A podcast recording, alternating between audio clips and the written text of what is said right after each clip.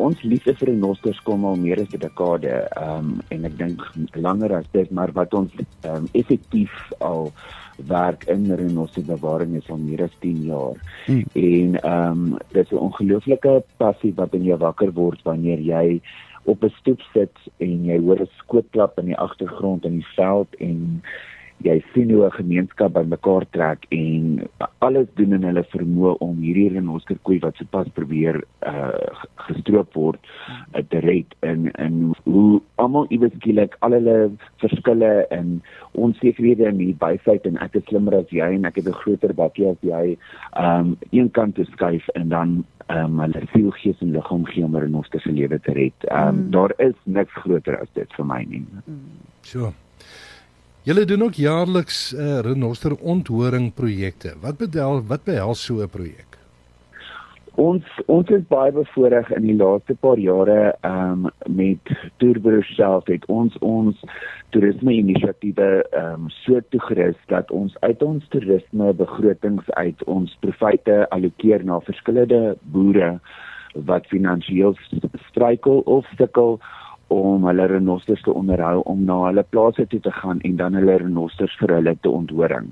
Nou hoe dit werk is ons ons ehm um, vat al ons gaste saam en ons befonds dan die die die veeartse die onthoringsproses van die uh, natuurbewaringsgroepe want dan moet altyd 'n natuurbewaarder by wees en ons chip die horings en dit word gewitsak en dit word weggestuur van as die plase af na 'n privaat kluiste waar hy onder versekerings of assuransie lê.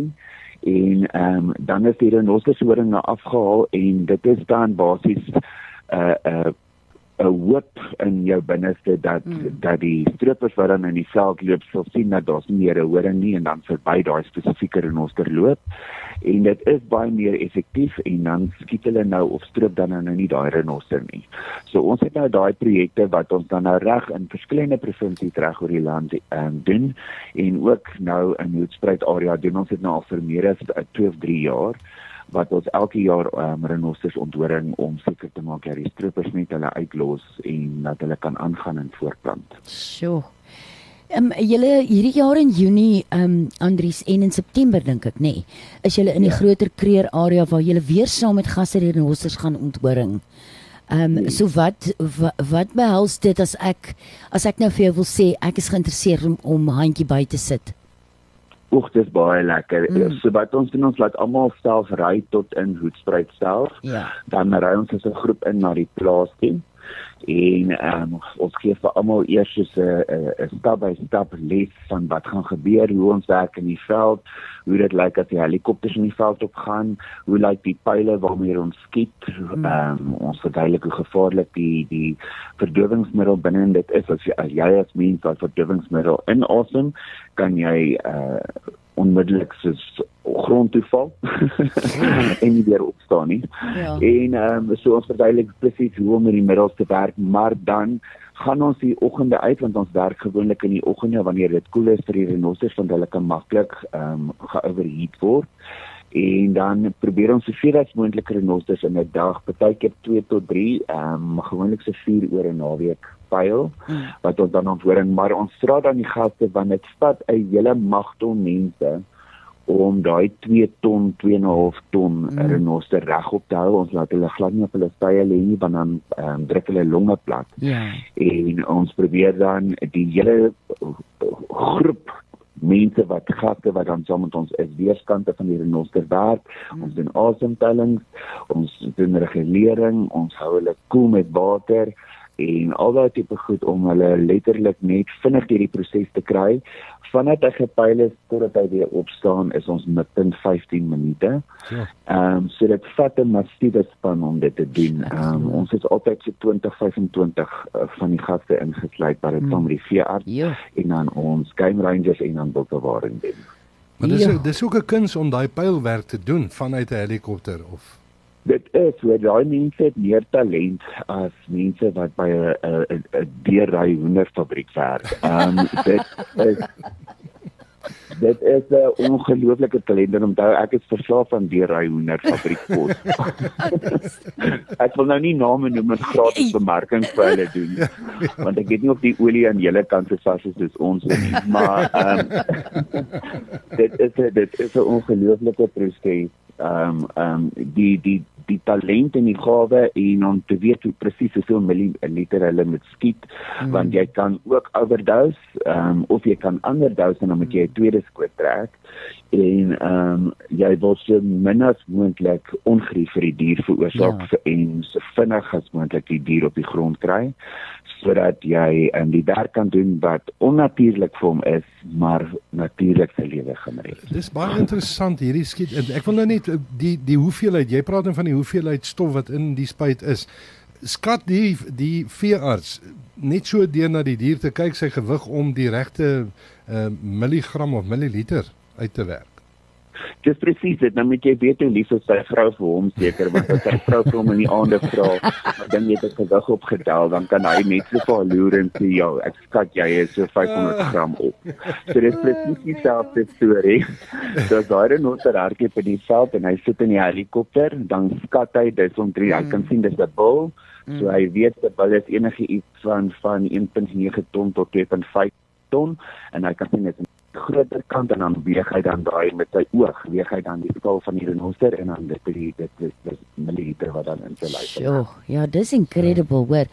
Hoekom Andries, hoekom gewone gaste betrokke maak by hierdie proses? Want daar's baie ons noem hulle keyboard warriors. Hmm. Ons voel dat baie mense verstaan nie dat ehm um, die proses rondom natuurbewaring is baie keer 'n uh, 'n onnatuurlike proses wat selfs die persoon wat die natuurbewaring moet doen ehm um, se harte en ons snare en goed ook breek nie. Dit is nie lekker om 'n renoster se horings af te haal nie. Mm. Dit is 'n uh, um, dit is 'n emosionele storie, maar wanneer jy deel is van die proses en jy sien dat jy kom hierdie jaar by se want ons haal elke 2 jaar op 'n grond haal ons renoster horings af en jy kom oor 2 jaar terug en daai selfde renosters met hulle name en alles is nog daar dan besef jy dat die proses was die moeite werd ja. hy lewe nog ja. hy het nie weggeval nie jy het 'n lewe gered en jy was deel van dit en dan verstaan jy die prentjie groter daar is ja. altyd 'n prentjie daar buite dat ehm um, die boeregemeenskappe en gemeenskappe wat in in hierdie tipe diere werk wat geen finansiële uh bydra lewe tot tot want jy kan nie met hom teel en verkoop nie. Ja. Hy is 'n uh, 'n uh, uh, sak leegloper. Aan die ander wyse jy betaal meer om hom te hê as mm. om met hom ehm um, dit deel te doen. Ja en dit deel en al daai tipe goed en dan dis, dan kan jy nie mense se gesigte sien dit is 100% absoluut passie enige ou wat 'n renoster het is 'n persoon wat passie het vir die natuur hmm. vir vir vir dit wat hy 'n deel is van van ons herkoms en um, hulle besef dan dit dit, dit is 'n proses om hulle aan die lewe te hou dit is letterlik 'n stag leeg 'n stag leegloper hmm. en um, om hulle deel te maak van dit is om basies nuwe ambassadeurs in die veld uit te kry om gemeenskappe te sê dit is werklik so so erg soos wat almal dit vertel dit is hmm. maar daar is altyd 'n lig in die tonnel en ehm um, die samewerking en die gemeenskap rondom dit hoe die mense dan werk met renosters is, is so mm. omvattend liefdevol dat mm. jy stap weg as 'n familie daar en ehm um, dis dis daar's nooit 'n tekort van hande nie en almal wil en wil meer en wil meer doen en dit is nie net van gooi geld in 'n leë gat in en jy weet waartoe dit gaan ja, nie ja. jy gaan ons vra vir jou kom eerder met jou voete en kom werk saam met ons in die veld en leer dan iets uit die proses uit sodat jy dan 'n woord en 'n storie kan vertel rondom dit sodat hmm. meer mense besef hoe hard dit is om hierdie herkoms van ons te beskerm. Ja, Hendrik, skitterende werk wat julle ook doen. As as as mense nou sou belangstel om saam met julle hierdie te gaan doen in Junie en in September, hoe kontak wie kontak hulle? Hoe doen hulle dit om in aanraking te kom? Dis baie maklik. Weet jy, ehm um, as jy as jy kan sê ek is lief vir toer en jy het 'n broer, dan dan gaan jy op toer broer se Facebook blaai. en ehm um, of jy gaan op die webblaaie of jy jy kan net 'n e-pos stuur at uh, info@toerbroers.co.za of andersins my mooi vrou uh, e-pos en dit is Stya, sy die moeilikste naam om te spel, so dis drie letters, S você sai, quero. Aí vir you en o vir olifant. Ag, af af. Sorry. Stya en ehm um, @turbus.co.za, maar andersins net info@turbus.co.za en dan ehm um, kan ons die verwerking doen van die e-posse wat okay. inkom. Alright. Ag fantasties. Andre soos soos gewoonlik is dit so lekker om met jou te gesels. Ehm um, regtig, jy maak elke woensdag my dag. So dit was oh, dit was amazing en dankie vir die verskriklike waardevolle ja. inligting. Jy weet rondom presies hoe die storie met die renosters um werk en so aan. Ek sê vir jou ek dink dis 'n fantastiese geleentheid om om saam met julle hierdie hierdie ding te kan meemaak um, en natuurlik julle julle toere wat julle aanbied is vir die fondsinsameling juis vir vir hierdie liefdadigheid wat julle doen. Baie dankie. Weet julle dit is 'n ongelooflike voorreg om elke keer met julle te gesels. Ons gesels nou al jare en ons ons uh, dit die projekte wat ons al in die Kreekwiltuin gedoen het, die kolfdae, die treine wat kom, hmm. ehm um, alles wat ons al gedoen het saam met julle kan ons regtig vir julle net botter om die bek smeer en sê ehm um, ek bring vir julle jam volgende keer. Julle is regtig awesome mense. dankie Andries, baie, Andries. Dankie. En uh, ja, volgende volgende week gaan ons 'n bietjie gesels oor Maholo Maholo, die rehabilitasiesentrum. Dit gaan net so interessant wees.